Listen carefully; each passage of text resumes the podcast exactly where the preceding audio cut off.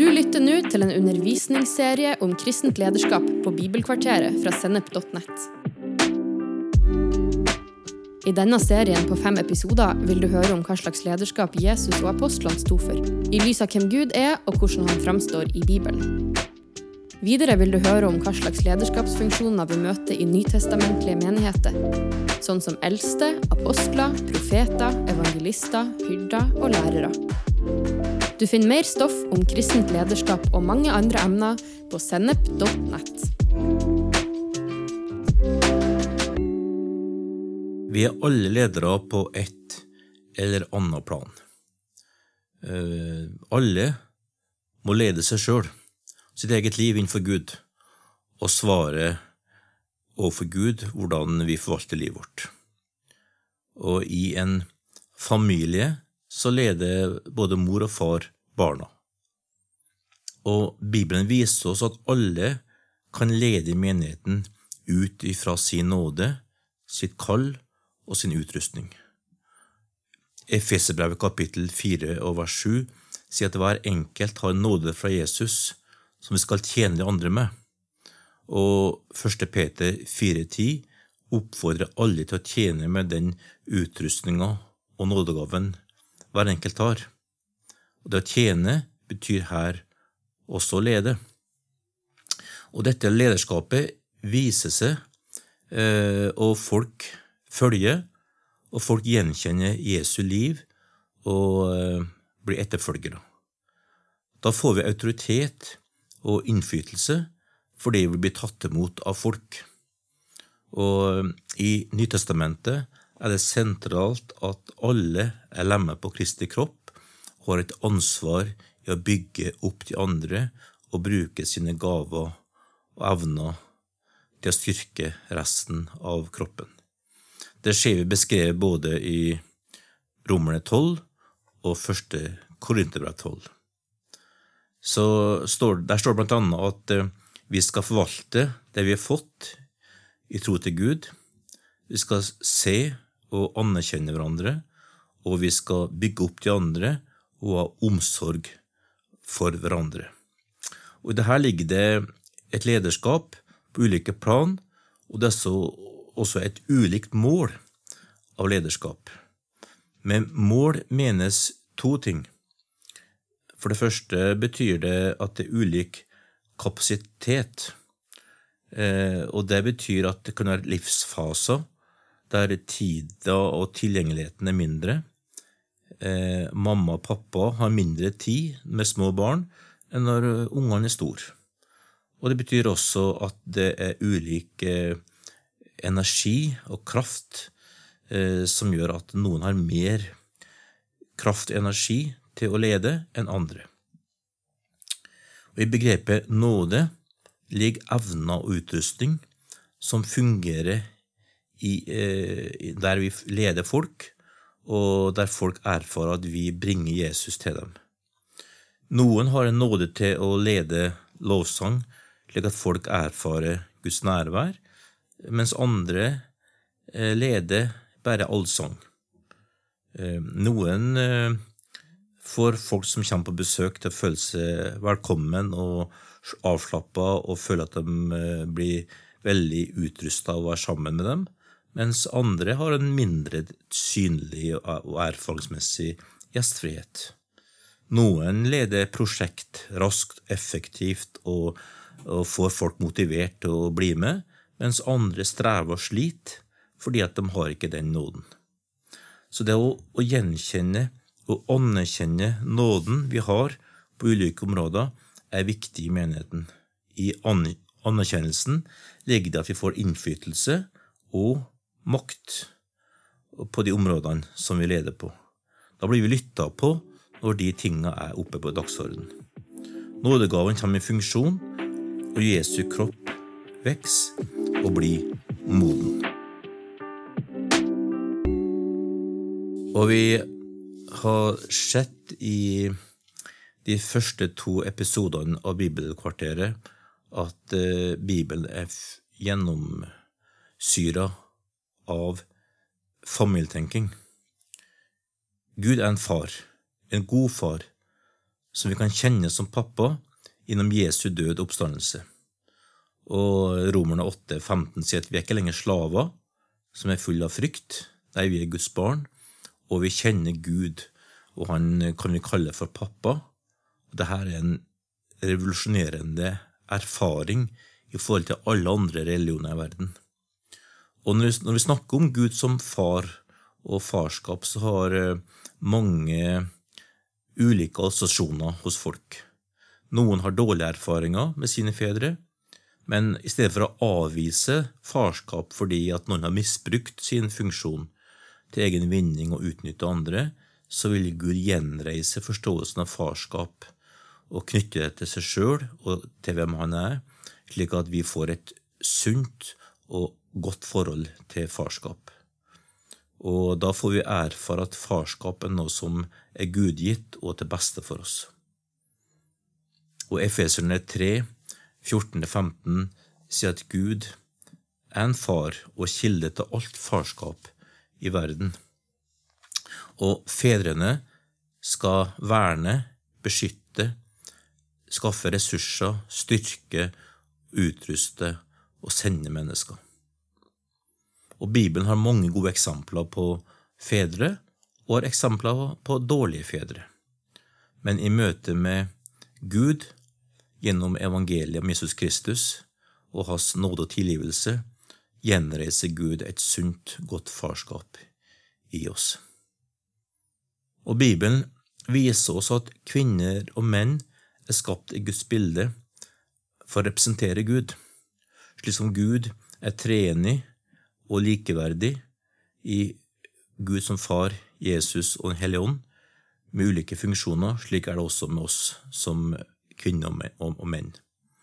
Og i første Korinterbrev kapittel 11 sier Guds ord at uh, mannen er kvinnens hode, og at Kristus er mannens hode.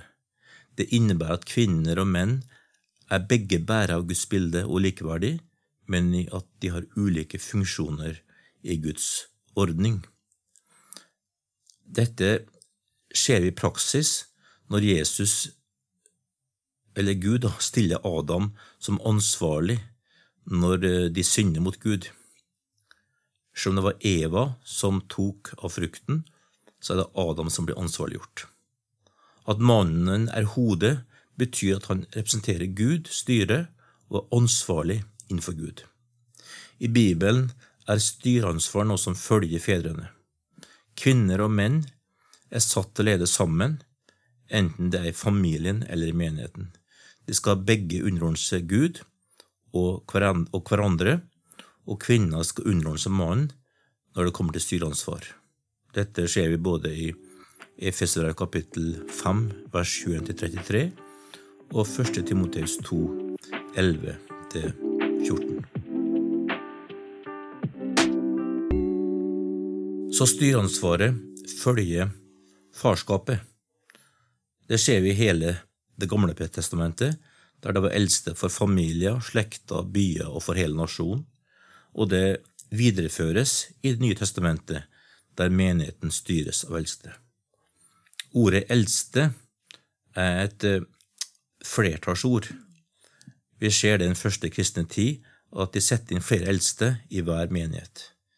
Det sikrer bred dømmekraft og forebygger monokultur og usunt lederskap. Den pastor-prestefunksjon eh, som er vanlig i mange menigheter i vår kultur, er ukjent i Det nye testamentet. De eldste innsettes av apostler eller deres utsending. Det ser vi annet i Apostelens gjerninger 14, vers 23, og i Titus 1, vers 5. Og Hvilke kvalifikasjoner har da de som skal styre, de som skal være eldste? I 1. Timoteus 3 og i Titus 1 beskrives de her kvalifikasjonene, og det meste har å gjøre med karakter. Så karakter er kjempeviktig for at du skal være en far, en eldste i Guds hus. For det første så må du ønske å være en eldste. Det er noe som en kan si ja eller nei til. Så motivasjon er viktig. Det innebærer at en kan være kvalifisert og ønske, ønska av andre som eldste, men at man mangler motivasjon for å ta på seg oppgaven, og sier derfor nei. Kvaliteter som Paulus trekker fram som eldste, er det å være trofast, nøktern, høflig, gjestfri, kunne lede familien sin og være en kvinnes mann, kunne undervise andre og tale folk til rette som lærefeil, kunne styre temperamentet sitt, ikke være stridslysten, voldelig, bråsint eller egenrådig. En må styre seg sjøl og ikke være pengekjær eller eh, være eh, avhengig av rus. Og eh, man må være moden, ikke nyomvendt, rettskaffen, mild og gudfryktig. Og alle disse kvalifikasjonene her stemmer jo for en som skal være moden, og som skal kunne være i stand til å styre og lede i Guds hus. I Apostelens gjerninger 20 så leser vi om at Paulus møter de eldste i Efesos, og vi ser fra vers 18 at eh, lederskapet vi utøver, har å gjøre med livet vi lever. Der beskriver Paulus det å være eldste som å være hyrde, ved å verne folk mot ødeleggelse og destruktive krefter, gi dem åndelig mat og gå i forbund for dem. De skal også være lærere, slik at folk kan kjenne Bibelen og leve et sunt liv. Og de skal hjelpe menigheten til å løfte blikket eh, og se framover og til å utbre Guds rike. Det innebærer at menigheten blir et redskap for Gud i å vise barmhjertighet, ta seg av de fattige og marginaliserte og bringe evangeliet i Guds kraft utover den plassen de bor på. Hva vil dette eh, bety i praksis med styreansvar? Eldste og apostelen har styreansvaret i menigheten og arbeidet. Det innebærer å ta beslutninger som får konsekvenser for andre, uansett deres premisser. Og Apostelens gjerninger 15 viser oss her i praksis. Der foretar apostelen og de eldste eh, bestemmelser som får konsekvenser for alle som jobber sammen med Paulus og de andre apostlene, med bakgrunn i en sterk konflikt som var mellom dem. Dette har med farskap å gjøre, og derfor er det eldste å, å være apostel for menn. Og eh, styreansvaret er det å ta beslutning som folk må følge uansett sine egne opplevelser, fordi at de er underordna og kjenner Jesu herredømme når de følger det her. Så områder for styreansvar er hva er sunn og rett lære? Et apostolisk arbeid har en lære som er overgitt, sier Judas eh, brev, vers 3. Og det er ikke noe som blir stemt over på et årsmøte eller en generalforsamling, men det er en lære som vi står på, og som vi må leve i forhold til og det skal forvaltes av de eldste og eh, Styreansvaret skal også eh, virke inn i forhold til å dømme saker som har med skilsmisse og andre familiære saker å gjøre. Da krever det dømmekraft og innsikt. Det er også med å dømme saker som har med folk som lever i synd å gjøre. Og det å ta beslutninger og prøve profetiske ord, slik at det som blir sagt, blir tatt på alvor, og til konsekvensene eh, som det medfører. Det ser vi i første kundebrev, kapittel 14, vers 29-32. Som regel løftes, drøftes slike saker i et lederskap med flere enn de eldste til stede. Men i, i noen saker må beslutninger tas blant de eldste, og de andre må følge det. Styreansvar har ikke noe med gaveutrustning å gjøre. Styreansvaret har med dømmekraft i møte med ulike situasjoner å gjøre, der en kjenner Gud, Hans ord og en timing og en visdom fra Gud til å gjøre det som er rett. I alt det her må hver enkelt av oss, uansett funksjon, lære oss å leve i tro med god samvittighet innenfor Gud, slik at vi, vi tar ansvar for eget liv. Og det er en eh, oppfordring fra Paulus til Timoteus i 1. Timoteus 1,18, og det gjelder for hver enkelt av oss. Og eh, da vil både hver enkelt av oss vokse til modenhet, og menigheten bli sterk og være til lov og pris for Jesus Kristus.